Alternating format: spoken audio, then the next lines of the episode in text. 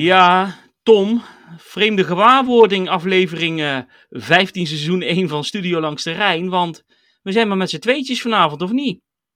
Yes, we gaan het eh, met z'n tweeën doen. Eh Wilco was verhinderd eh, eh, vanavond, dus eh, we gaan deze keer eh, ja, voor een keer met z'n tweeën opnemen. Ja, ja, nou ja, dat geeft jullie wel een keer de ruimte. Want jij bent ook één keertje afwezig geweest in al die afleveringen. Dat was toen met eh, de stadionspeaker eh, eh, Theo. Ja. Dan eh, mag ik ook een keer eh, afwezig zijn. En dat is voor de luisteraars ook wel eens lekker natuurlijk, hè? ja. Eh, bomvolle agenda hebben we. Ik heb hem je toegestuurd vandaag, dus je hebt hem al doorgenomen. Maar we gaan beginnen met lopende zaken en vragen van de luisteraars. Dan gaan we nabeschouwen op twee wedstrijden: Utrecht-Vitesse en Vitesse-Willem II. Dan gaan we door naar het J-Roy God doelpunt van het seizoen. Dan gaan we voorbeschouwen. Dat is maar één wedstrijdje in verband eh, met het eh ja, interlandvoetbal dit weekend. De finale van de Toto KNVB-beker. Dat was het vijfde kopje. Daar hebben we een speciaal kopje natuurlijk voor gemaakt. We gaan dan door naar zes. De, ja, eh, de, de goede oplossing van de quizvraag. En we hebben meerdere goede antwoorden binnengekregen. Dus we gaan loten voor de prijs. Dan sluiten we. Af met een anekdote. En dan zeggen we op het einde altijd netjes aju tegen iedereen. Zullen we gewoon lekker beginnen bovenaan?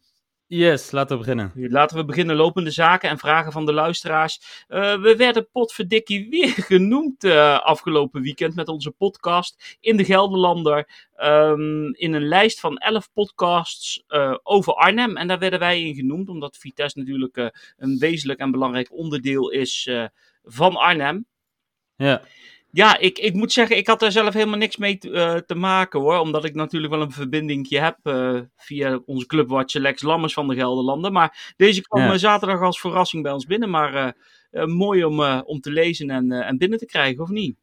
Ja zeker. Leuk. Er stonden nog wat meer eh, bekende namen in. eh, met Marcel van Roosmalen volgens mij ook met, een, eh, met inderdaad een podcast. Dus nee, ja, leuk en eervol dat, dat we tussen staan, zeker. Ja, absoluut. Dus als de media, ja, die, we hebben nou in het AD gestaan. We zijn gequote in het AD. We staan nu, hebben in de Gelderlanden gestaan. Wat, wat, wat, wat wordt onze volgende stap dan? NOS denk En ik. hoor, we gaan gewoon nu ja, echt ja, gewoon echt hardcore of ESPN. Ja, Nou, ja, oké, nee, dan, eh, twee. dan gaan we daarvoor. Eh, we hebben gisteren, we hebben deze, deze opname doen we altijd op een donderdagavond. Dus gisteren op woensdag hebben wij een oefenduel gespeeld. eh, op 24 maart dus tegen RKC. Die hebben wij verloren met 3-1. Ehm, we stonden 0-1 voor met de rust. En Ohio scoorde. Die scoort trouwens wel wat vaker in oefenduels. Eh, we speelden zonder de internationals. Komen we zo dadelijk nog even terug. Eh, veel reserves in actie eh, om speelminuten te kunnen maken. Lijkt mij gewoon hartstikke prima, of niet? Ja, ja volgens mij, ik zag het heel veel clubs eh, doen. Volgens mij Ajax tegen Utrecht bijvoorbeeld ook. En eh, ja, ik denk goed, vooral voor die jongens die eh, niet veel in actie komen en die niet met jong eh, kunnen spelen nu.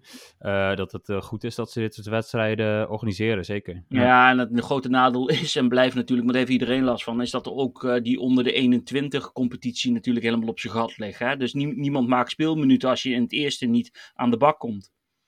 Nee, daarom. Daarvoor moeten ze wel moeten ze het van dit soort duels hebben. Dat ze wat meer minuten maken dan eh, ja, soms het half uur wat bijvoorbeeld eh, een huisman of dat soort spelers krijgen. Ja. Eh, ja, nee, Nou, dat is goed dat ze dat doen. Ja, nee, heel goed. Ze zijn er wel strak in. Dit is al het zoveelste oefenduel wat ingepland is. Dus eh, prima, ga ermee door, zou ik zeggen.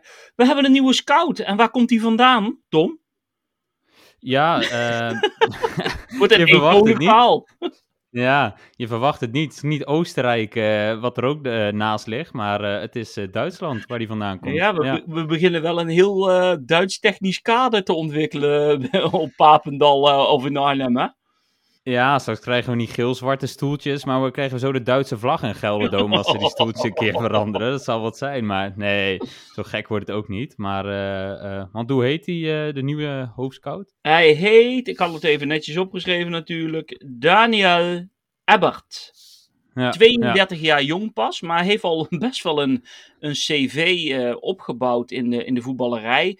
Al, ja, ik weet dat jij wat onderzoek naar hem hebt gedaan, maar je kwam niet echt veel te weten over. Nee, wel? ja, ik heb een beetje gekeken op eh, het internet. Wat je zei, na 32 jaar oud is hij. Hij heeft 10 jaar ervaring, las ik. Eh, dus hij is inderdaad al vroeg eh, begonnen. Ja. Ehm, en hij, komt, ja, hij heeft hiervoor diverse rollen gehad bij Hansa Rostock, Ja. MSV Duisburg, uh, Arminia Bielefeld en FC Kolm. Ja. Um, en hij heeft hiervoor heeft hij bij uh, SV WN 1926 Wiesbaden ja, gezeten. in Wiesbaden. Ja, die staan nu zeven op het derde niveau in Duitsland. Nou, dan lijkt mij Daniel Ebbert een enorme versterking voor een scoutingsapparaat, of niet? Ja, die komt wel inderdaad van Champions League niveau af. Dus de hoge verwachtingen. Nou ja, dat zegt natuurlijk helemaal niks. Hè. Ik bedoel, Nee. het gaat om zijn netwerk en, eh, en hoe die. Ja, we kunnen hem pas gaan beoordelen aankomend seizoen natuurlijk. Maar het is wel opmerkelijk dat het natuurlijk wel iedere keer in die Duitse vijver eh, gevist wordt. Wat ik begreep uit het verhaal was dat, eh, dat ze echt met veel mensen hebben gesproken voor eh, de invulling van die rol binnen Ja. Vitesse. Maar dat ze dan toch weer dat hij als beste eh, eruit kwam. En ik, daar heb ik helemaal niks op tegen dat het een Duitser is of, of een Nigeriaan of een Colombiaan. Als die man zijn werk maar goed doet. Maar dat kunnen we nu nog niet beoordelen. Dus eh, Nee, ja, we geven nee hem, hij eh, was... ja, we moeten het inderdaad even afwachten. Want zoals je zelf ook al zegt, wie had er van Ledge of Sports gehoord eh, eh, voor dit seizoen? En ik denk dat we over het algemeen toch wel kunnen zeggen dat die het goed doen. Ja, Ehm, want hij was hiervoor, eh, eh, hij was dus bij die club, was die hoofdscouting en de wedstrijdanalyses deed hij daar. Dus Ja. ja. ja, wat je zei, ze hebben met meerdere gesproken en hij paste binnen een profiel wat ze zoeken. ja. Eh, en dat is ook, daar hadden we het de vorige podcast over. Eh, toen we dat ook eh, van, goh, we gaan het in de gaten houden. Dus het is op zich wel leuk dat het nu, eh, eh, nu dit bekend wordt. Dus ja, inderdaad, eh, hij past binnen een profiel. Dus eh, wat je al zei, het is eh, nu denk ik even afwachten. Ja, het is gewoon, bezien en dan kijken wat, wat er aangetrokken gaat worden aankomende zomer. Wat, wat mogelijk van zijn, vanuit zijn scoutingsvisie komt. En dan, dan kunnen we hem pas echt gaan beoordelen. Onze Ja. keeper. We hadden eigenlijk een beetje een stille hoop gisteren. Want Nederlands elftal die had een uitvallen met, met Sillissen. En toen werden er Ja. al appjes onderling gestu- eh, verstuurd van... Ja, eh, eh, Frank de Boer gaf aan de bondscoach dat hij er voor de zekerheid toch een eh, doelman bij ging halen. Toen dacht ik al van, nou dan zal hij waarschijnlijk wel op Bizot uitkomen. Maar ergens had ik een hele stiekeme diepe hoop dat het Remco Pasveer zou worden. Maar het is hem niet geworden, het is Bizot geworden. Maar Remco Ja. Pasveer eh, ziet het er echt helemaal naar uit. Het is nog steeds niet officieel, maar dat hij een jaar gaat verlengen. We hebben het al heel vaak tijdens deze podcast erover gehad. Is dat een goede zaak, is dat geen goede zaak?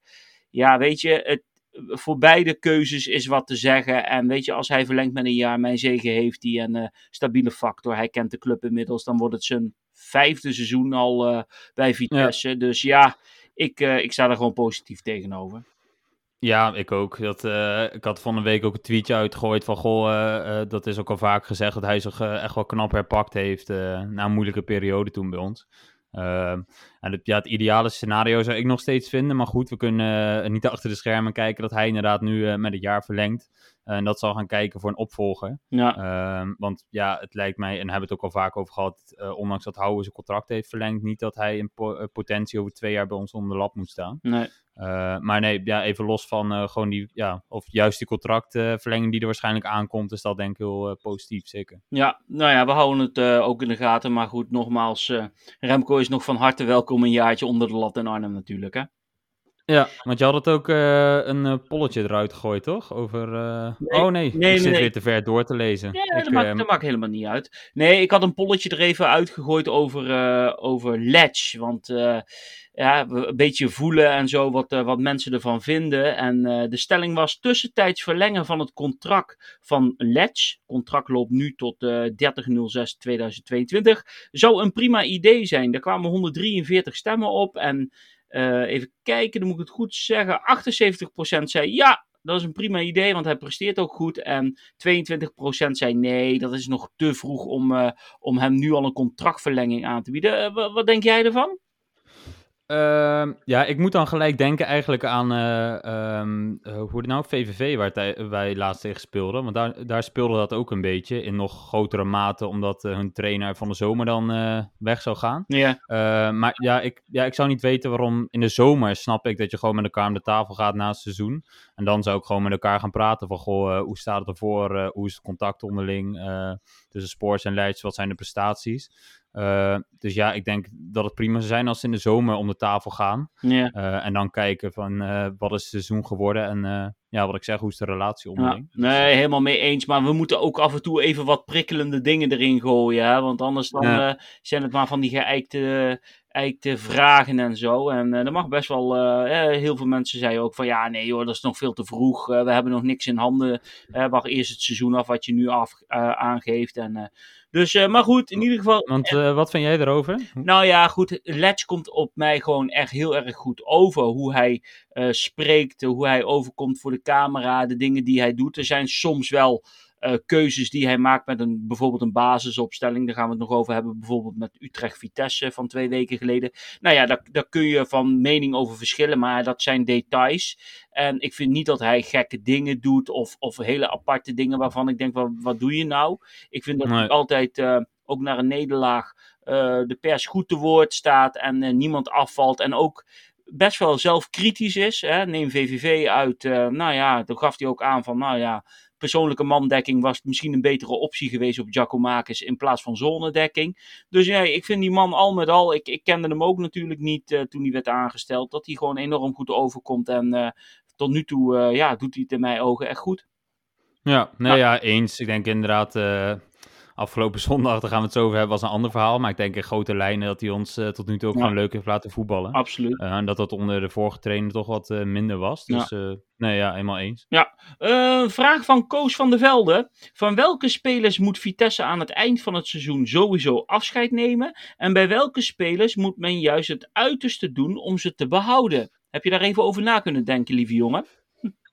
ik heb daar wel over na kunnen denken. Brandlos, wie, wie motte er weg? Uh, ja, wie moet er weg is misschien niet helemaal, eh, ook qua kwaliteit, dat je, dat je die misschien wel wilt behouden. Maar ik zou zeggen van, uh, we hebben denk ik vaak wel genoten van Bazoer en Tenane dit seizoen. Maar ik zou ze aankomende zomer gewoon, uh, als daar veel belangstelling voor is, afscheid van en waarom? nemen. omdat ik niet denk dat je dat soort jongens ja, twee jaar dit niveau gaan halen. wat ze toch over het algemeen hebben laten zien. Uh, dus ja, ik denk van, uh, ja, schud elkaar de hand voor de bewezen diensten of uh, ja, ellebogen deze tijd al. Maar... box, box. ja, maar nee, om dan afscheid te nemen als er een mooi bod komt. dus ik zou sowieso ja, van die twee afscheid nemen. ja, hoezeer ik ook van vooral Bazoer gecharmeerd ben. Maar ja, ik zie dat zo erg, omdat we ook in het verleden te vaak jongens, en die waren ook wel nog op meer beleefdheid, en Linse, Matafs uh, ja, hebben bij de club hebben gelaten en dan dat ze gratis de deur uitliepen. Ja, uh, dat zit er ook achter, hè?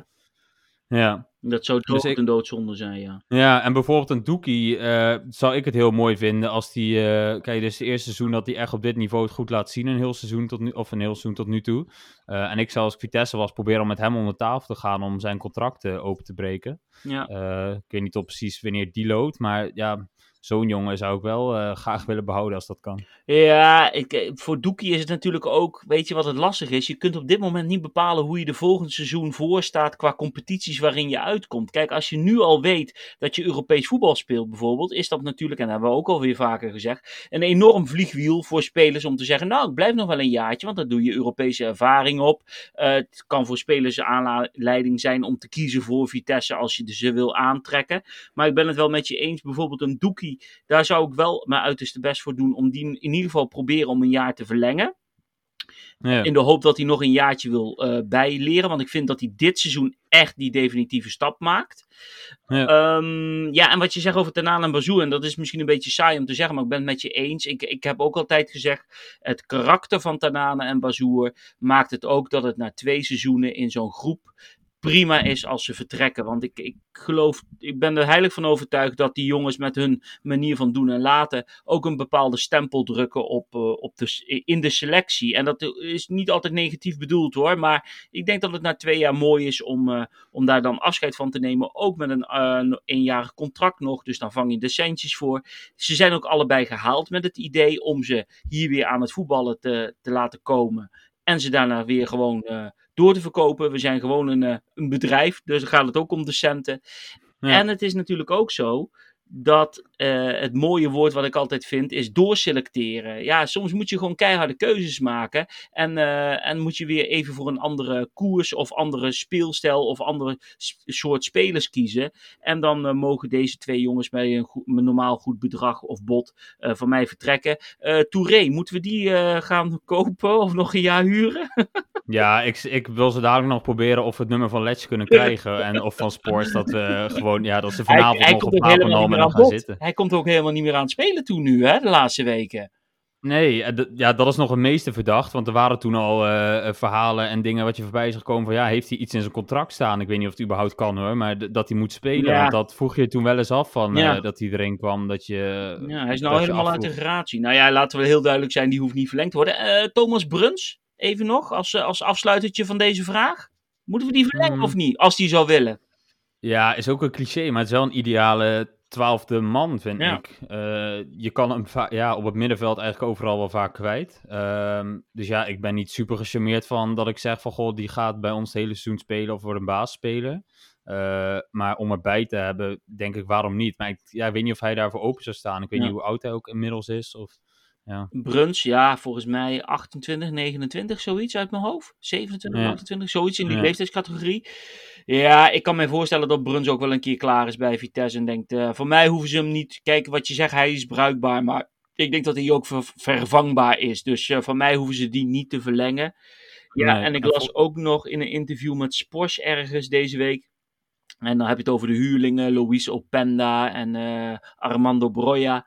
Dat, Ja. ja. Weet je, de connecties met Chelsea zijn gewoon goed eh, met Spors. Maar het is echt niet zo, eh, kwam uit dat verhaal duidelijk naar voren toe, dat Vitesse echt een, een overeenkomst heeft met Chelsea of dikke vette lijntjes heeft om spelers te huren. Nee. En dat ze bij Chelsea maar denken van, nou, die komt bij ons niet aan bod, doe maar naar Vitesse. Want voor Broja heeft Spors echt, eh, echt de blaren op de tong moeten lullen om hem naar Arnhem te krijgen voor een seizoen. Dus ja, Ja. Hoe, hoe dat soort dingen ontwikkelen, want die Engelse clubs willen ze ook nog wel eens vaak naar een jaartje eredivisie in de championship eh, stallen, in ver- verband met een andere speelstijl en het fysieke aspect daarvan.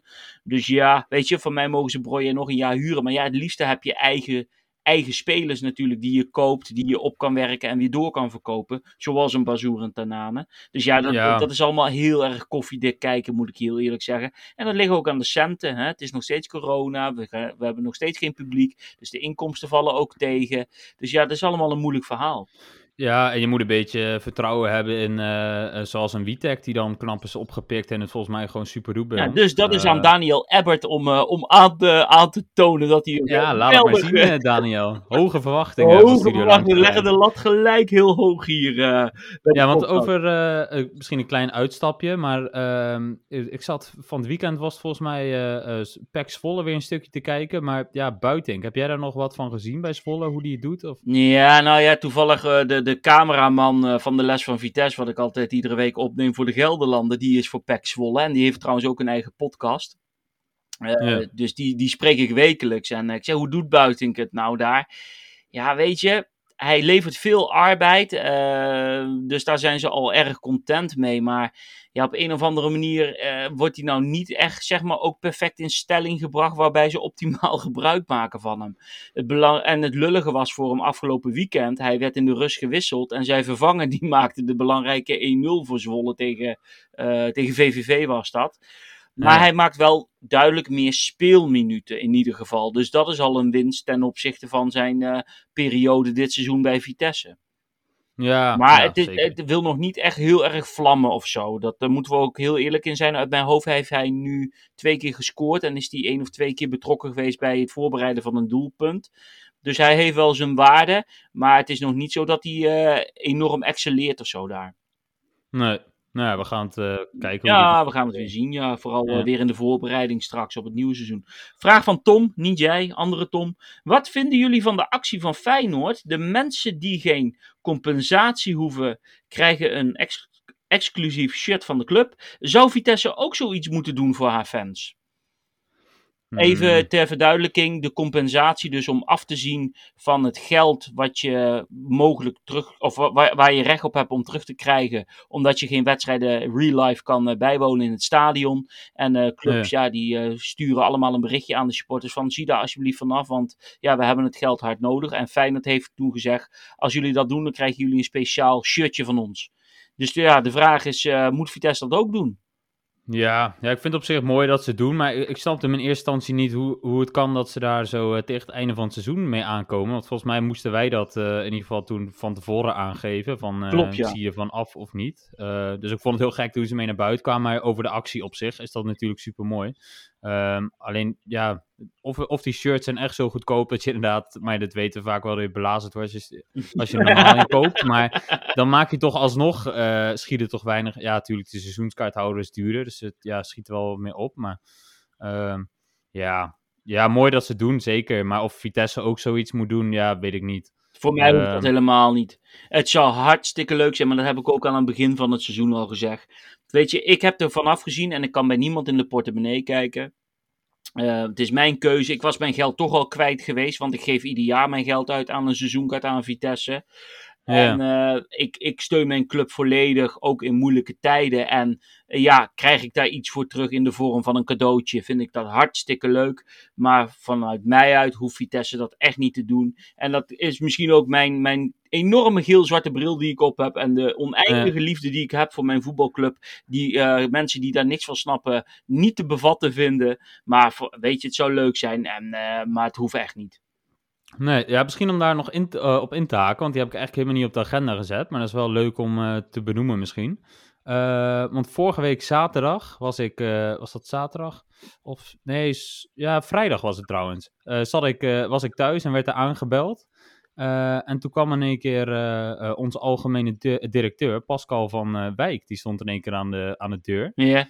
Yeah. want ja, veel zien denk ik ook wel voorbij komen op social media. Maar Vitesse doet dan, uh, superleuk dat ze doen, van die uh, wedstrijdpakketten doen ze langsbrengen in een tasje. Klopt. En er zitten dan wat dingen in. Maar uh, ja, hij heeft bijna een 10 minuten, kwartier heeft hij aan de deur staan praten. Ja, en heb je het een beetje dus over technisch beleid gehad of niet? ja, nou, op zich was hij wel open over dingen zoals met, wat zei hij, met, met Slutski bijvoorbeeld. Dat, dat hij wat minder de jeugd inzette en dat, dat Letch dat nu wel steeds meer doet. Ja. Dus ja, heel, en ook over de Europese uitwedstrijden waar hij heen was geweest met, uh, met medewerkers. En, ja. en ja, dat hij ook speciaal was langsgekomen, dat hij het leuk vond wat wij doen met Studio Langs de Rijn. Dus dat was wel ja. nou, super leuk om te horen dat dat vanuit Vitesse zelf zo ook. Absoluut. En ik zag wordt. ook, naar aanleiding van afgelopen zondag, kwam Vitesse met, met speciale shirtjes het veld op. we missen jullie Vitesse-naren. En die shirtjes die zijn ook weer onder de supporters um, weer uitgedeeld. Ja, die zijn ja. persoonlijk langsgebracht. Dus ik vind dat Vitesse zich prima uh, manifesteert uh, om, om, die binding te houden, ondanks dat wij niet naar het stadion kunnen. Alleen ja, iedere club kiest voor zijn eigen lijn. En uh, ja, je kunt daar wat van vinden of niet. Maar nogmaals, oneindige steun in ieder geval vanuit onze kant. of niet, Tom? Ja, ja, nee, zeker. En uh, het, ook nog wel leuk, ik had daarna nog contact uh, uh, met hem via social media. Ja. en toen gaf hij ook nog aan, ik zei van, goh, een keer aanschuiven als de, alle maatregelen voorbij zijn. dat we meer personen konden. En daar stond hij op zich wel voor open. Dus Ja. dat is natuurlijk ook al leuk als dat in de toekomst misschien een keer kan. Ja, we gaan sowieso, eh, als het einde van het seizoen daar is, gaan we eens even met de crew, Jeroen, jij, ik en eh, Wilco samen zitten en eens een keer even goed babbelen. En dan gaan we weer eens even goed doornemen. En bijvoorbeeld om, om wat meer gasten te hebben eh, in onze podcast zou wel een eh, goed idee zijn. Dus dan is Pascal van Wijk natuurlijk ook van harte welkom. Ja, zeker, zeker. Ik heb één vraagje aan jou, Tom. En jij weet niet wat ik ga vragen. Het staat wel op de agenda, dat zie je staan. Vraag van Bjorn aan Tom. We hebben het wel eens over discussies dat Vitesse spelers ehm, eh, wegdoet. Waarvan je achteraf denkt van, oh, hadden ze die wel weg moeten doen. Kun jij één voorbeeld noemen van een speler die Vitesse verkeerd heeft ingeschat. Die ze weg hebben gedaan, die zich nu zo heeft ontwikkeld. Dat je denkt van, ja, maar hoe heb je hem nou weg kunnen doen? Uh, ik maak eerst even een nieuw bier. Heel goed, heel. Ehm, even kijken. Uh, ja, ik denk dat hij niet zo moeilijk is, want die komt uh, steeds vaker voorbij. Ja. en de naam die bij mij als eerste opkomt is Robin Goossens. Ja, oké. Oké, okay, maar heb je daarna dan nog een speler die gelijk jou te binnen schiet? Waarvan jij zegt van potverdikkie Vitesse, dat je die toch hebt weg laten gaan? ik zit even te denken. Nee, niet zo heel gauw, moet ik zeggen. Nee, en daarom heb ik deze vraag er ook opgezet zonder dat jij niet wist wat de vraag was. Want ik, ik hoor Robin Goosens nog wel eens voorbij komen. Nou goed, dan kunnen we achteraf zeggen, nou dat was niet een hele slimme beslissing geweest. Maar die jongen heeft ook eerst twee seizoenen bij Dordrecht gespeeld. Heeft toen twee, drie seizoenen bij Heracles gespeeld. Ja, ja. Wat ik eigenlijk ermee wil aangeven is dat ik vind dat Vitesse eigenlijk in het verleden tot nu toe nou zeg van de 100 keer 98 keer de juiste beslissing maakt om een speler die misschien talentvol is, maar die ze toch niet doorzien groeien, uh, gewoon wegdoen. En dat ik daar eigenlijk de conclusie moet trekken dat ze dat eigenlijk wel prima zien. En op de match ja. zul je wel eens een keer een foutje maken. Maar ja, Iedereen die refereert altijd aan Robin Goosens. Ja, klopt. Oké, eens. Heeft ook zijn jaren gehad om te ontwikkelen. Maar oké, is nu waarvan je zegt van, nou, jammer dat hij weg is gegaan toen. Maar daarna, wie hebben we dan? Osman? Nee, ja. Uh, Sander van der Streek? Leuke voetballer, maar is dat nou de special one die we niet hadden moeten laten gaan? Nee, het is niet dat hij nu in één keer, natuurlijk bij Utrecht doet hij het leuk, maar dat hij in, de Premier League of iets terecht nee, is gekomen. Precies nee, daarom. Dus ik wilde het nog een keer aankaarten. Robin Gozens, maar denk even, alle luisteraars, even verder. Zijn er nog namen die je te binnen schiet, waarvan je zegt van, ja, maar Bjorn, wat zeg je nou dan? Die en die en die. Nou, laat het weten via de socials. Hartstikke ja. leuk. Ja, wat nog meer voorbeelden waar we het vaker over hebben gehad, volgens mij, is bijvoorbeeld uh, waar toen heel veel redelijk wat uh, reactie op kwam, was toen Van Bergen uh, naar Herenveen ging. Ja, ik vind het in mijn ogen niet meer dan terecht dat ze die uiteindelijk gewoon weg hebben gedaan. Die jongen heeft, ik heb het laatst nog nagekeken, bijna 40 wedstrijden, dan zijn het ook heel veel invalbeurten, bij Vitesse gespeeld. Heeft geen enkel doelpunt gemaakt en je ziet het dit seizoen ook weer bij Herenveen. Hij is heel dreigend, hij doet me altijd een beetje aan Ibarra denken. Ontzettend snel op die flank. Hij is ontzettend dreigend. Je moet altijd rekening houden, verdedigend gezien, uh, om hem in bedwang te houden. Maar uiteindelijk onderaan de rekening per saldo levert hij te weinig op met de vrijheid die hij krijgt. En dat had Ibarra bijvoorbeeld ook. Dus ik vind het jammer dat hij weggegaan is. Maar is het dood en doodzonde? Nee, ik begreep het wel. Ja, nee, ik ook wel. Um, ik had trouwens nog, voordat we even doorgaan naar het uh, blokje over de internationals, uh, schoot mij net te binnen, staat niet op de agenda. En ik ben ook uh, razendsnel aan het zoeken naar degene die dat doet. Maar het gaat over de, op de social media, zoals Facebook, Instagram en dat soort dingen. Is, heeft Vitesse sinds kort een ja, nieuwe layout, hoe ze dat aanpakken. En dat is met ja, een jongen die dat doet in, met een samenwerking, maar ik kan het zelf niet vinden. Maar dat uh, ja, viel mij op, uh, omdat het op Twitter ook langskwam met van, goh, uh, zie mijn werk. En, maar... Wat zei je? Het is mij nog niet opgevallen. Nee, ja, ze hebben een nieuwe, ja, nieuwe ja, soort van huisstijl, zeg maar. Ik okay. vond het wel heel tof, dat, okay. dat is een, iets in veranderd, maar... Nou. Ja, Iedereen die het luistert, maar... ga het checken. Ik ga het ook checken. Ik, het is maar even langs me heen gegaan, maar maar ga het checken. Uh, jij kon ons nog even als afsluiting van dit uh, onderdeel uh, wat vertellen over de internationals, of niet?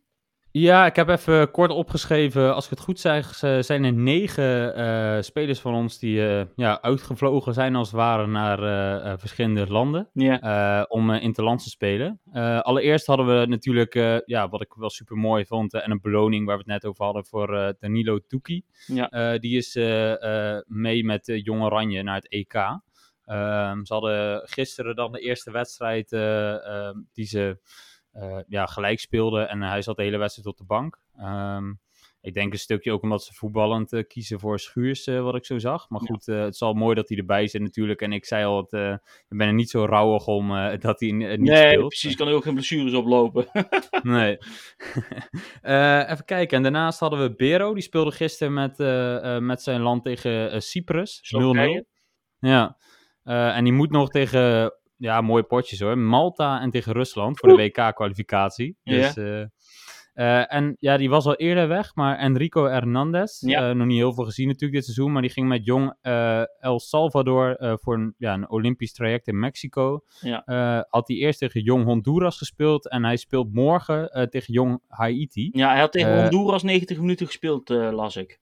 Ja, en die spelen morgen om half één s'nachts. Dus ik weet niet of je gaat kijken, Bjorn, maar misschien een leuk affiche.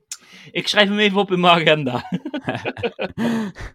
uh, en dan hadden we het net al over voor de uitzending, maar Daza speelde vanavond tegen Denemarken. Ja. En uh, ja, ik denk dat Letch uh, op de bank heeft gestaan vanavond. Ja. Hij heeft niet de hele wedstrijd gespeeld. Nee. Hij heeft 86 minuten gespeeld. Ja, dus, dus toch een kleine 10 minuutjes extra rust in de pootjes voor Eli.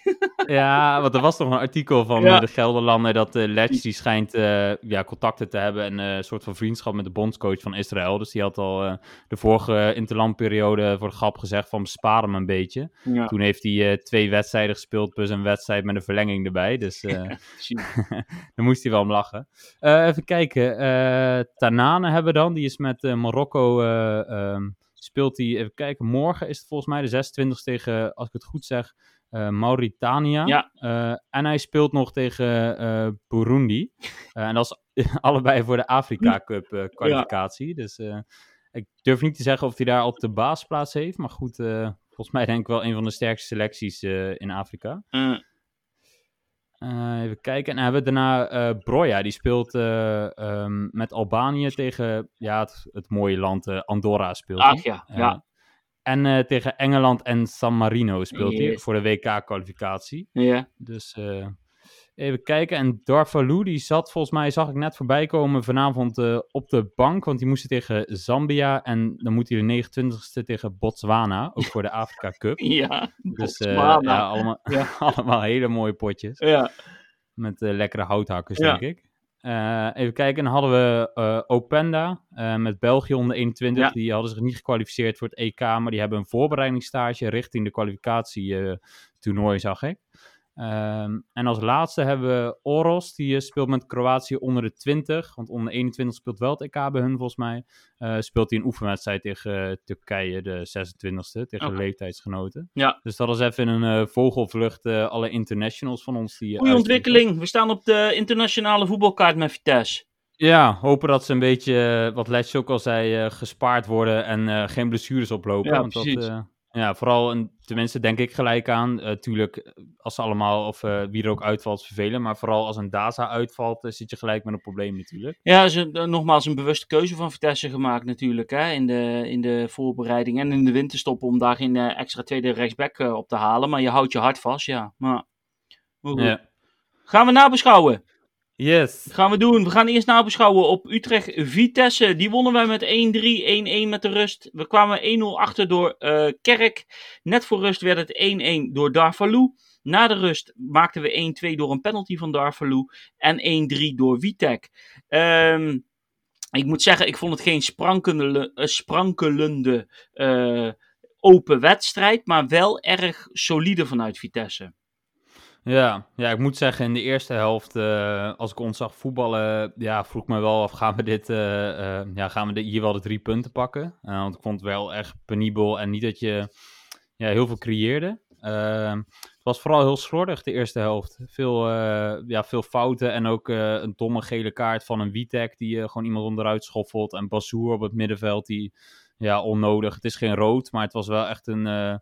hoe zeg je dat? Een donkergele kaart. Ja, want die schoffelt gewoon iemand onderuit. Ja. Ja, ja, Nou een ja, beetje en die 1-0, kijk, je hebt het over die passing, moesten we lachen, want die passing, die eerste helft, die was zo erbarmelijk slecht. Ja, Trouwens tegen. Willem II ook, komen we zo op. Maar tegen. Utrecht uit ook. En de 1-0 die we tegenkregen, werd ingeleid door Witek, die ook die bal totaal vrij in de poten van een Utrecht-speler speelt, terwijl het hele elftal in de voorwaartse beweging staat. Dus iedereen is uit positie. En toen appte ik even naar Theo Jansen. Ik zeg, kan je alsjeblieft niet een cursusje van de week de training inpassen eh, geven? Waarop die eh, eh, terug antwoordde van, haha, ik vind het een goed idee, ik ga het erover hebben. Maar het, inspelen, eh, die inspeelpaas wa- was gewoon echt heel slecht. En Vitesse stond wel solide, dus Utrecht die kwam er ook niet heel makkelijk doorheen. Alleen door dat soort dingen kwam Utrecht er wel doorheen, omdat je ze de mogelijkheid gaf, omdat je zo zelf, zelf zo die bal verspeelde. Ja, dan maak je het jezelf ook zo, ja, heel makkelijk, maar het is zo moeilijk in zo'n Ja. wedstrijd. Hè? Als je al de balletjes over vijf meter niet, eh niet, in de juiste. spelen. ja, dan- nee, dat klopt. Ehm, er was wat te zeggen over de opstelling. Want van tevoren startte hij met, moet ik het goed zeggen, met Broja en Darvalu. En in plaats van Tanane, want die was geschorst, stond op die plek Openda. Ikzelf, we hadden het nog eh, wat erover naar aanleiding van de vorige podcast. Van, daar hadden we het al over die opstelling, omdat we wisten dat Tanane geschorst zou zijn. Eh, Ja. Want met zijn zoveelste gele kaart. Eh, toen zei ik van, nou ja, ik zou eigenlijk gewoon voor Huisman kiezen en in de spits Openda en Broja. Want hij kiest altijd voor Openda ten eerste, dat is zijn eerste spits. Ehm, maar dat pakte ook de eerste helft niet goed uit, waardoor Vitesse het spel heel stroperig ja, voor zichzelf hield. Hè? Ja, dat. En ik, ja, ik denk dat het ook een beetje, zo zag het er in ieder geval uit, een beetje onwennig was met, uh, met Openda, die dan in die rol uh, achter de spitsen moest uh, zitten. En het was ook meer, hadden ze ook voor de wedstrijd, volgens mij bij ESPN erover. en benoemde Letje ook, dat het niet zoals normaal echt met, zoals de nanen achter de spitsen, maar dat het meer met drie voorop was. Ja. en ja, volgens mij pakte dat vooral de eerste helft niet, niet heel best ja. uit. en was het ook ja, te veel op elkaar, had ik het idee. Ja. Dat ze normaal wel meer de ruimte hadden. Ehm, en ja, het was natuurlijk, uh, je had eerst uh, ja, na die 1-0 van hun, had je dat schot van Witek in de 38e minuut, die van de lijn werd gehaald door Willem Jansen volgens mij. Ja. dat je al bijna die 1-1 maakte. En ja, ik denk, ik, ja, het is ook een super moment dat die uh, geweldige, uh, als je over de 1-1 hebt, geweldige bal van Doekie. Ja. Uh, die bal die blijft bijna drie kwartier hangen in de lucht ja. voordat, voordat Darvloem in kan koppen. Maar dat doet hij wel echt geweldig. Ja. hoe hij erbij komt. Was, en, was ja, echt een klasse doelpunt, ja. Ja, ja, want uh, hij heeft het heel vaak natuurlijk moeten doen met invalbeurten. En nu, uh, uh, nu mag hij dan starten en laat hij het ook gewoon gelijk zien. Ja. En ook in de 44e minuut was het volgens mij. En Ja, dat is natuurlijk ook altijd wel een klap die je dan geeft aan de tegenstander, denk ik. Ja. Als je die in de 44e minuut maakt. En- of 55. En de leepheid natuurlijk. Kijk, die, die Oelschleger van Utrecht, die gaat de tweede helft in de fout op dat schot van Daza. Maar daar verloor ze wel als de kippen erbij. Op het moment Ja. dat die Oelschleger die bal loslaat, waardoor die een penalty eh meekrijgt. Het was trouwens ook wel een penalty, maar dat wordt weer honderd keer bekeken in de VAR. Maar goed, we kregen hem eindelijk mee. Tweede penalty van het seizoen. Ehm, eh, maar dat was ook echt de verdienste van, eh van die er wel als de kippen bij was natuurlijk.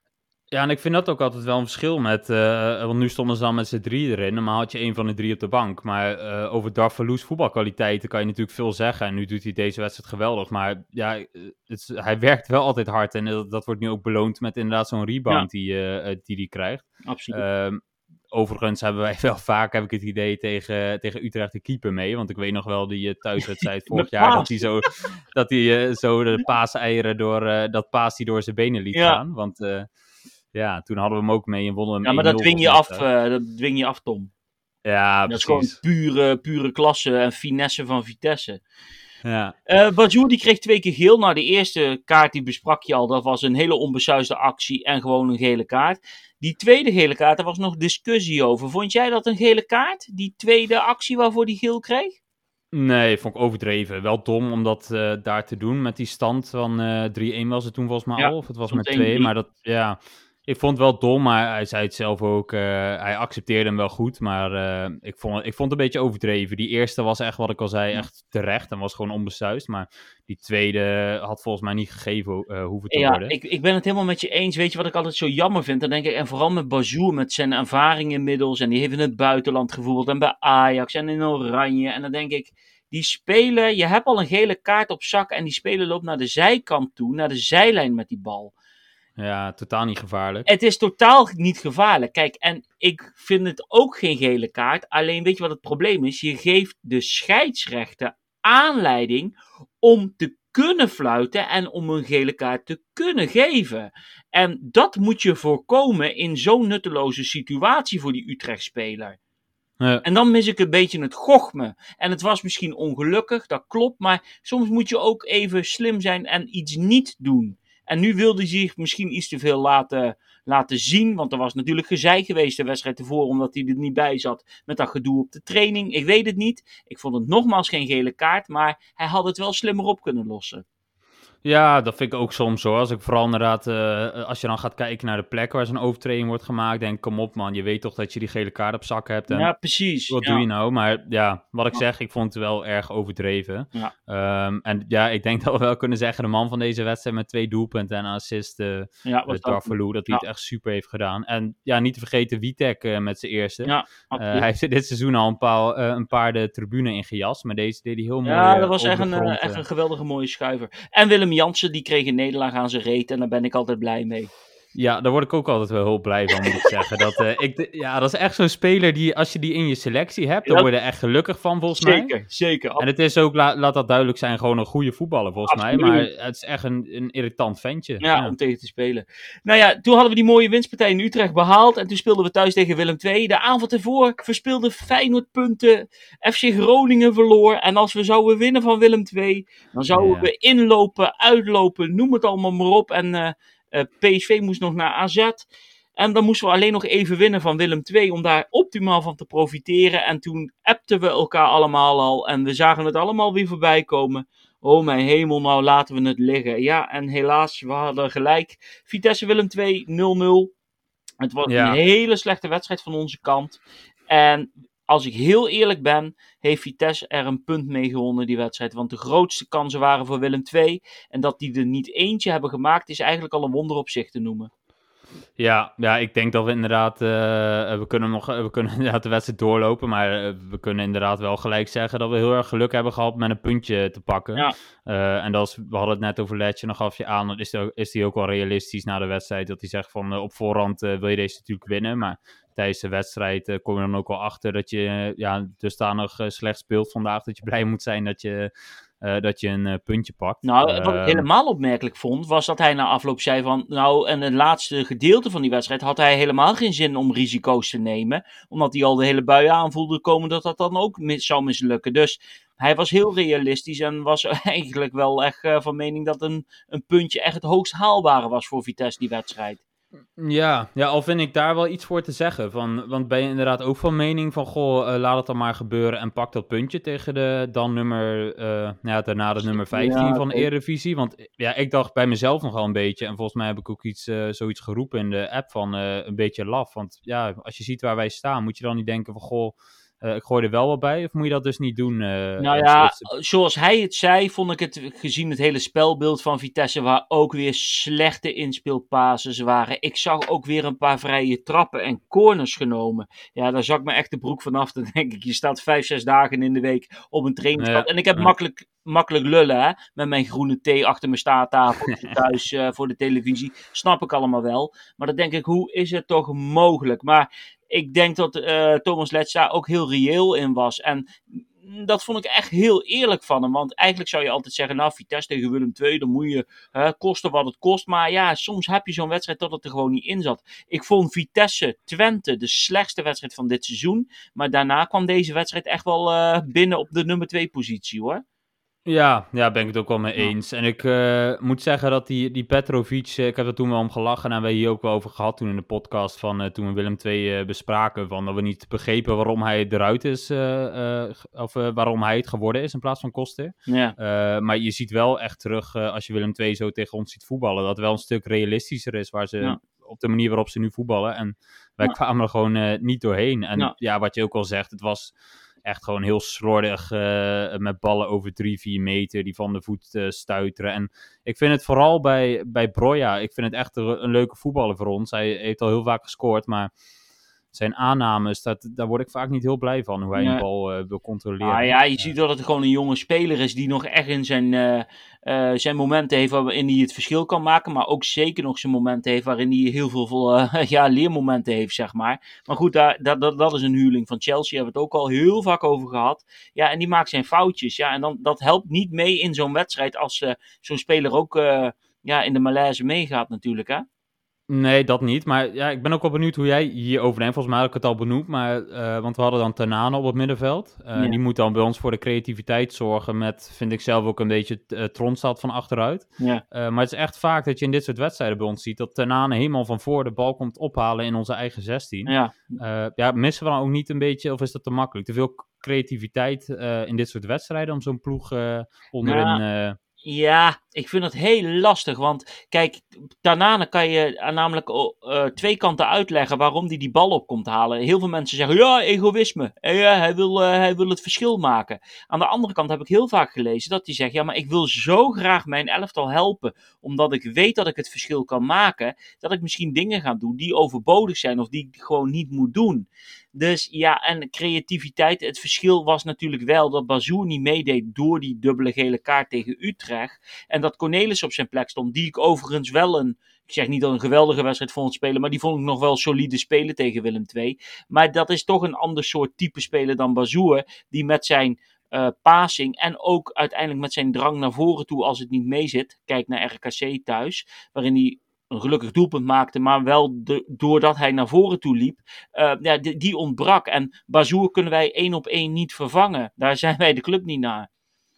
Nee, nee, dat is ook zo. Maar ja, ik vind wel dat vaak, en natuurlijk zie je dat vooral terug in dit soort wedstrijden, maar dat die ruimte bij ons tussen de verdediging en uh, onze twee spitsen, uh, dat die, die is altijd wel heel groot om te overbruggen. Waar, ja. ja nee, dat ik vind het lastig om, uh, wat Tronstad, de hele gewaardeerde speler, en ik vind echt, die wordt vaak onderschat, maar ja. ik denk soms wel qua creativiteit naar voren en balletjes, dat ja, er veel ruimte overbrugd moet worden. Maar goed, uh, ja. Ja. Je, ja, we benoemen het net al en je komt heel goed weg. Want bijvoorbeeld die kans uh, als die speler van Willem II rustig blijft. Uh, ja, dan kan hij hem zo binnen schuiven of hij kan hem nog een keer terugkappen. Dus daar had je echt rond. Ik, ik telde hem al hoor.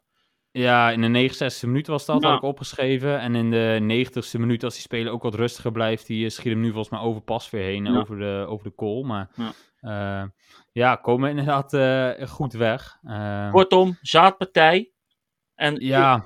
vergeten, Interland Weekend nu even rust aan de kop. J-Roy God doelpunt van het seizoen. Bovenaan staat met de 2-0 tegen VVV in de halve finale van de Toto KNVB-beker. Uh, Osama Darvalu met die geweldige peer in de bovenhoek. Darvalu? Uh, excuus. Osama Kanane. excuus, excuus. Ja, de rode wijn staat nu in. Um, de 1-1 van Darvalu. We, uh, we, zijn nu 1 op 1. Dus uh, uh, als het gelijke stand wordt, dan blijft het doelpunt van Tanane staan. Dus er moet echt twee stemmen voor zijn. Wil die overtroffen worden. De 1-1 van Darvalu tijdens Utrecht-Vitesse, de kopbal. Was die mooier dan van Tanane? Nee, niet mooier. Mooi die doelpunt. Mooi. Wel heel, heel mooi, maar net ja. niet mooier genoeg dan Tanane. Nou, de penalty van uh, nou ja, daar kunnen we heel snel en duidelijk in zijn. Dat, uh, dat nee. was hem ook niet. En de 1-3 van Vitek met dat geweldige droge schot naar de lange hoek toe. Nee, ook niet. Nee, nee. Oké, okay, dus het Jerry God doelpunt van het seizoen staat nog steeds op naam van Osama Tanane. Uh, even één kleine opmerking over uh, Jerry God. Daar hadden we de vorige uitzending over. Speelt hij al bij zijn nieuwe club Osnabrück? Vandaag heeft hij zijn eerste minuutjes gemaakt in een oefenduel, wat wij begrepen. Hè?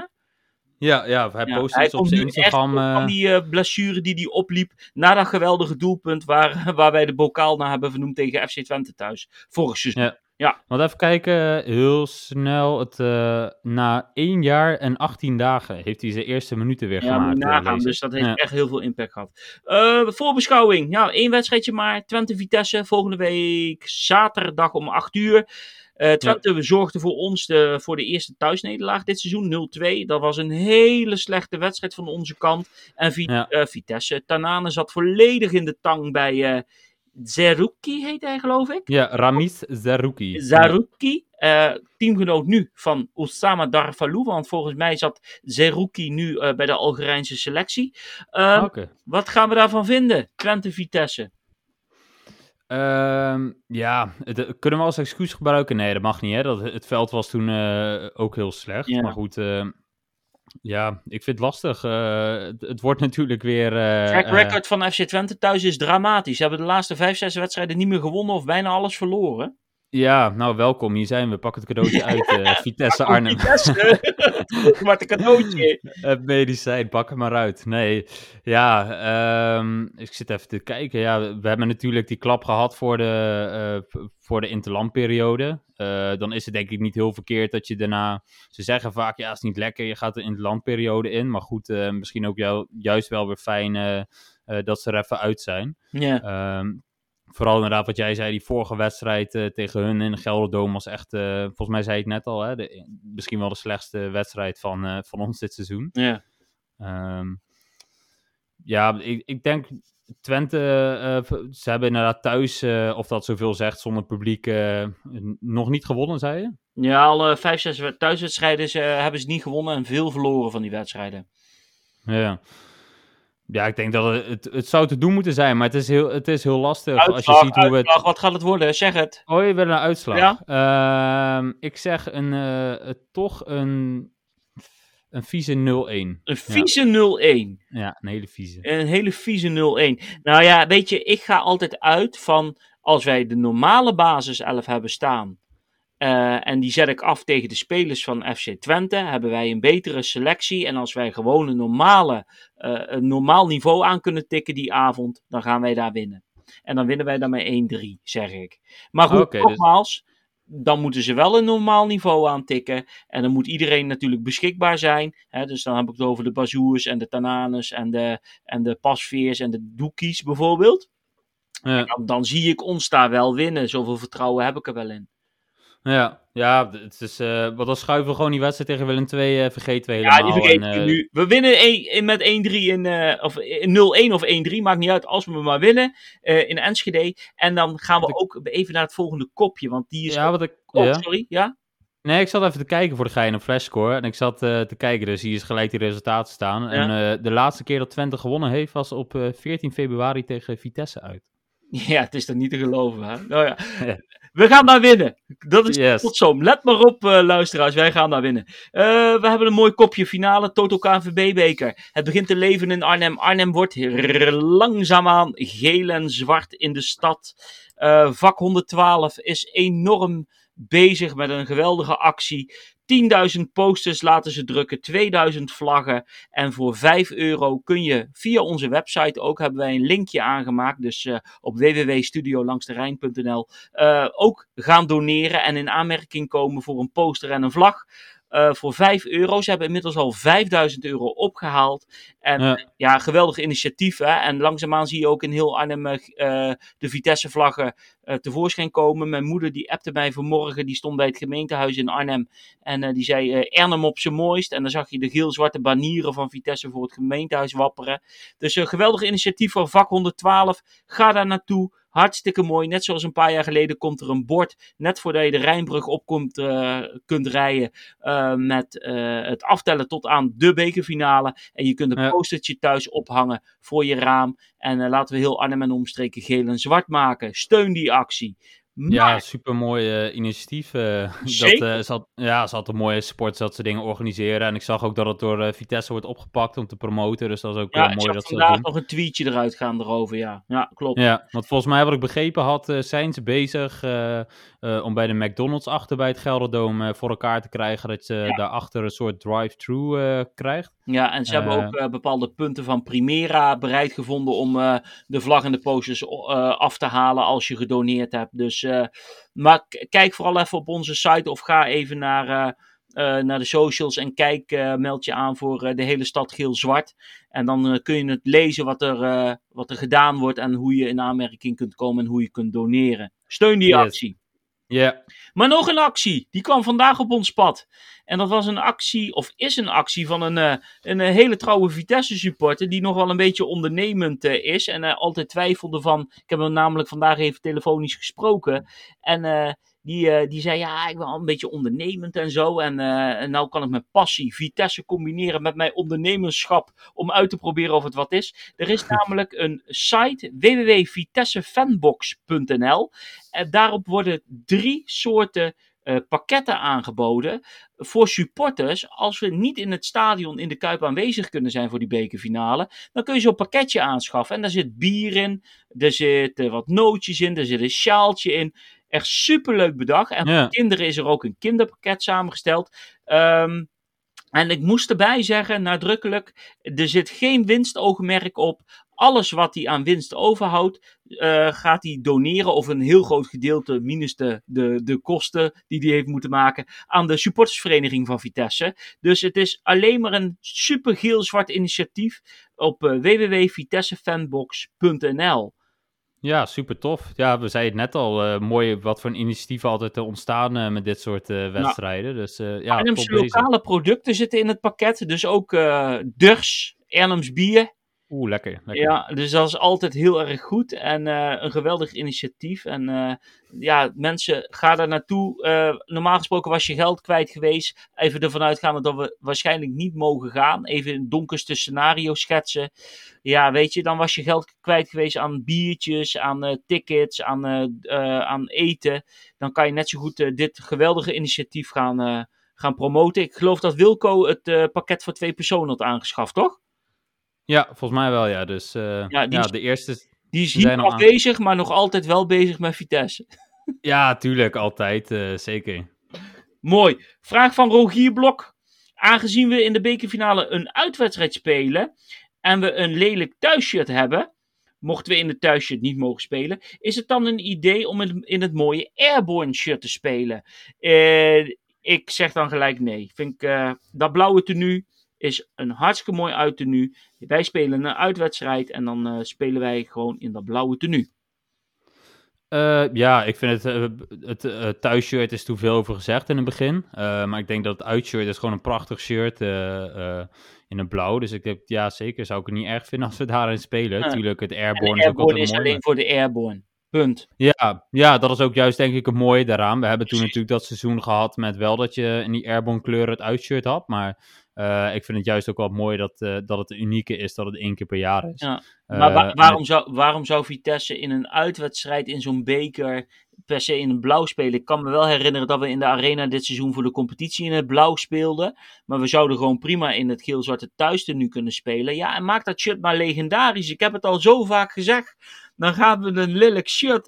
nou ja, lelijk, lelijk. Uh, het was niet mijn keuze geweest. Maak het legendarisch en win de beker er dan ook maar in, toch?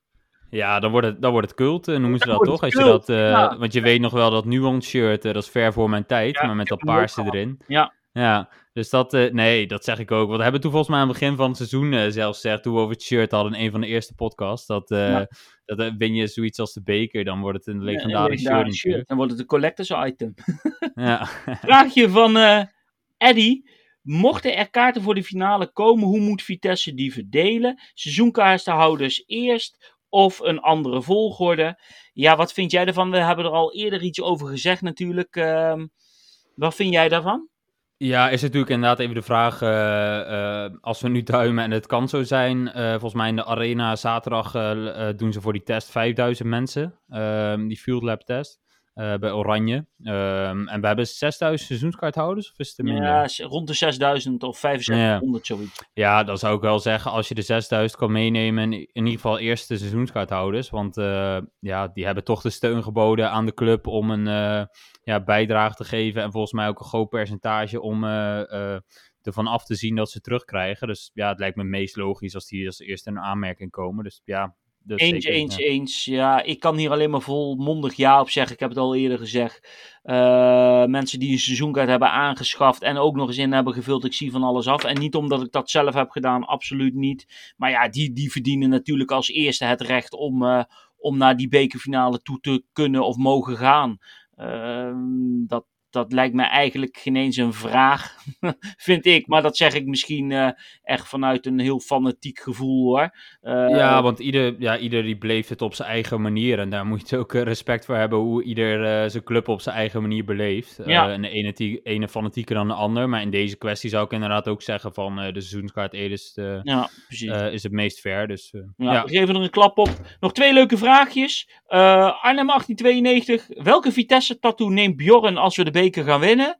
Oh ja. Ja, ik ben uh, totaal tattoovrij op mijn, uh, op mijn lichaam. En uh, ik heb er stiekem wel eens over gedacht. Maar ik ben inmiddels 39. Ik heb een leuke vrouw, een dure hypotheek en twee kinderen. Maar ik ben daar niet het type voor. Dus nee, ik neem geen tatoeage. En de laatste vraag was van Olaf. En die zei: Neem Bjorn taart als Vitesse de weken wint?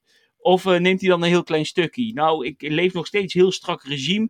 Maar als ik de beker win, uh, dan gaan alle remmen los. Dan vreet ik 16 frikandellen, drie berenklauwen en een stuk gebak. En, uh, en een kratje bier plop ik erachteraan. Dus dat komt wel goed. Ja, want als we ooit weer volgens de maatregelen met z'n drieën mogen opnemen. We gaan naar iemand toe. Dan ben ik benieuwd of ik jou nog wel herken als ik bij jou thuis kom. Want als, je, als je die kop van jou ziet, hoeveel jij bent afgevallen, dat is niet normaal, joh. Ja, ik kan een, een salto in de PVC-buis doen. Eh. ja, maar we zien, we zien ook wel eens reacties voorbij komen. En dat, ja, dat is ook gewoon zo, zoals met die uh, de les van Vitesse. Ja, ja dat is uh, bijna niet herkennen. Nee, nee, nee ik keer incognito uh, over straat. we gaan naar de, naar de quizvraag. We hadden een geweldige leuke quizvraag. Natuurlijk beker gerelateerd. Um, en die quizvraag was als volgt. Te winnen valt een boek van Ferry Reuring, Vitesse Europa in. Vitesse speelt met, het aankom met de aankomende bekerfinale op zondag 18 april 2021. Erbij gerekend de vijfde bekerfinale in haar geschiedenis. Nu spelen we om de prijs genaamd de Toto KNVB-beker. Maar hoe heette de prijs de andere keren toen we de finale haalden? Het juiste antwoord daarop was dat we, daar had ik ook al gezegd de vorige uitzending, ik wil vier antwoorden. En de juiste antwoorden zijn: in 1912 haalden we de finale voor de Holdert-beker. In 1927 haalden we de finale voor de NVB-beker. Dat is de Nederlandse voetbalbeker. Toen was de KNVB nog niet koninklijk, dus NVB. In 1990 haalden we de finale van de KNVB-beker. En ook in 2017 haalden wij de finale van de KNVB-beker. En nu hebben we de finale gehaald van de Toto KNVB-beker. Er zijn meerdere goede antwoorden binnengekomen. Ik heb hier weer mijn vissenkom met... Uh, hoor je hem? Ja, ik hoor hem. Luid en met, uh, met kindersurprise binnenkant plastic uh, eitjes met, de, met de juiste antwoorden, de namen daarvan ingedaan. Ik ga even husselen. Ik ga er een pakken. Ik zet hem even netjes weg. Ik neem nog even een slokje wijn. Komt-ie? Oeh. Even de spanning opbouwen. Klikken hem open. Dan komt hij. De winnaar is geworden Wesley Pietersen. Dus Wesley, wij gaan contact okay. met je opnemen. Jij hebt het boek gewonnen Ferry Reuring, van Ferry Reuring, Vitesse Europa in. We gaan hem bij je thuis brengen. Doen we natuurlijk weer wat stickertjes bij, of niet? Ja, ja zeker. Bij, Heel, heel ja. goed, doen we dat. En ja, dan... vooral die uh, NVB-beker, die kan ik me nog wel herinneren. Van 1927, ja. dat, dat, was mijn dag. Zo. Ja, het is wel heel leuk om te vertellen. Ja, ik heb me er wel eens heel erg in verdiept. Maar uh, de Holdert-beker was een ander soort beker dan de huidige KNVB-beker. De huidige KNVB-beker, de dennenappel, is in 1945 of 1946 uh, aangeboden als geschenk van Jong Oranje aan de voetbalbond. En die hebben toen gezegd, hé, hey, daar maken we de beker, de nationale beker van. Maar voor die tijd was het een een ander soort beker. Was het niet de dennenappel? En dat was ooit aangeboden door meneer Holdert, die in de media werkte. En die dacht, hé, hey, daar kan ik namens bekendheid maken. En die bood aan de Holdert-beker. Maar die bestaat dus niet meer. Dat was een ander soort beker. Ah ja. Grappig, okay. Ja. Bert Jacobs, zeg jou dat iets, uh, Tom? Uh, ja, vaag wel iets. Maar de, ja, zoals je weet uh, ga ik wat minder lang mee dan uh, dat jij gaat. Maar dat, nee, het zegt me wel iets, maar niet, niet heel duidelijk. Dus vertel. Vertel. Bert Jacobs, ja, ik heb er wel eens aan gerefereerd tijdens deze podcast-uitzendingen. Maar uh, toen ik ooit naar Vitesse ging als klein jongetje op uh, Nieuw Monnikenhuis, het oude stadion, uh, was de grondlegger, mede de grondlegger van het huidige Vitesse, daar ben ik nog steeds heilig van overtuigd, de trainer Bert Jacobs. En de beste man leeft helaas inmiddels al heel lang niet meer. de man was behoorlijk ziek vaak in zijn leven, waaronder die vreselijke ziekte kanker.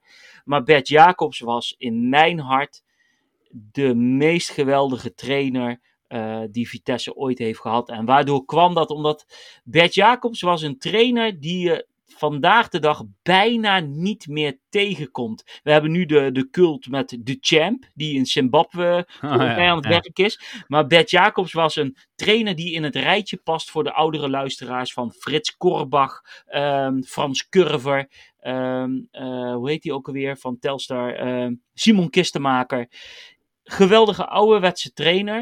Um, en hij zorgde ervoor dat het geheel van Vitesse.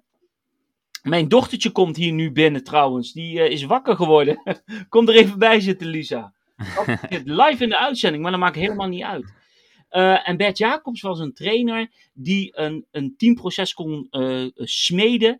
En ook altijd voor dezelfde elf kozen. Edward Sturing zei, die onder hem voetbalde ooit. Uh, ik ben een rechtsback en ik moet een dubbele beenbreuk hebben, wil hij mij niet opstellen op de rechtsbackpositie. en hij deed altijd de logische dingen. Een rechtsback zet je rechtsback en een linksvoor zet je linksvoor en een spits zet je in de spits. Ja. En geweldige verhalen over Bert Jacobs te vertellen. Die uh, zorgde ervoor dat er tijdens Sinterklaas, hij verkleed als Sinterklaas, de spelers op schoot nam uh, en gedichtjes voor ging lezen om ze op de hak te nemen. Bert Jacobs uh, fietste na de promotie van Vitesse naar de eredivisie met zijn fiets de Korenmark, uh, pakte hij een fiets van de Korenmark en reed toen uh, de Manhattan, helaas uh, bestaat het niet meer, nee. in. Tot hilariteit van alles en iedereen en de selectie. Het was een man die dingen deed die andere trainers niet deden. En het mooiste verhaal was dat hij ooit op trainingskamp was met Vitesse. Seizoensvoorbereiding of in de winterstop, dat weet ik niet meer. En uh, die spelers die gingen s'nachts natuurlijk stiekem stappen. En Bert Jacobs was gekke Henkie niet. En die zette een tafel bij de voordeur neer. En die zei tegen de ober, geef maar een biertje. En die dronk en die dronk. En het werd vier uur in de nacht. En de eerste spelers druppelden het hotel binnen. En dat waren de jongste spelers van die selectie die mee mochten vanuit de jeugdselectie. Ja. En Bert Jacobs die zei tegen die gasten, jongens... Wat doen jullie hier? Ik ben diep, diep teleurgesteld. En die gast, oh sorry trainer, maar we moesten mee met de rest van de selectie. En toen zei hij, totaal tegen de verwachting in, het is pas vier uur. Ik wil je potverdorie pas om vijf uur terug. en die stuurde die gasten terug om nog te gaan stappen. Om vervolgens om zeven uur s ochtends met de bel door de, door de hotelkamers heen te banjeren. Om te gaan trainen met die jongens. En uh, Sturing en Theo Bos hebben toen wel eens gezegd. Ja, toen hingen we kotsend twee uur later over de reling heen tijdens zo'n training. Omdat we natuurlijk helemaal katje lam waren. Maar ja. was wel een trainer die ervoor zorgde dat je voor, door het vuur ging. Dus ik moet hem benoemd hebben als we een anekdote hebben. Ik heb Karel Albers wel eens benoemd natuurlijk met een, met een verhaal. Maar Bert Jacobs, geweldige oud trainer. En uh, nog steeds het huidige succes, ik ben ervan overtuigd, komt door Bert Jacobs. Oké, nee, mooi verhaal. En wat voor jij zei Edward Sturing. En wat voor spelers staat er nog meer in die selectie? Ja, ik kan hem zo opdreunen, want de opstelling was altijd Raymond van der Gouwen, Edward Sturing, Roberto Straalson in de verdediging, Theo Bos natuurlijk, Erwin van der Looy hoorde daarbij. Op de linksback uh, Arjan Vermeulen, op het middenveld hadden we Philip Cocu, Johnny van der Brom, uh, Martin Lamers, René Eijer in de spitsen, Ricky Hilgers, we hadden Huub Loeven, enzovoort, enzovoort. Richard Roelofse schiet me nou nog te binnen. En zo kan ik nog wel heel veel namen op. Uh, ja. Nee, mooi, mooi. Dik, dik uur volgeluld met z'n tweetjes. Ging ons goed af of niet, Tom? Ja, prima, prima. Moeten we niet uh, vaker doen, ja, hopelijk? Denk dus, ik wel. Ik denk dat we even uh, in de groepsapp Wilco gaan verwijderen. nee, hopelijk is die er gewoon nee, snel helemaal bij. Niet, helemaal niet. Hopelijk is die over twee weken er weer bij. Um, dan heb ik maar één ding te zeggen. Aju. Aju.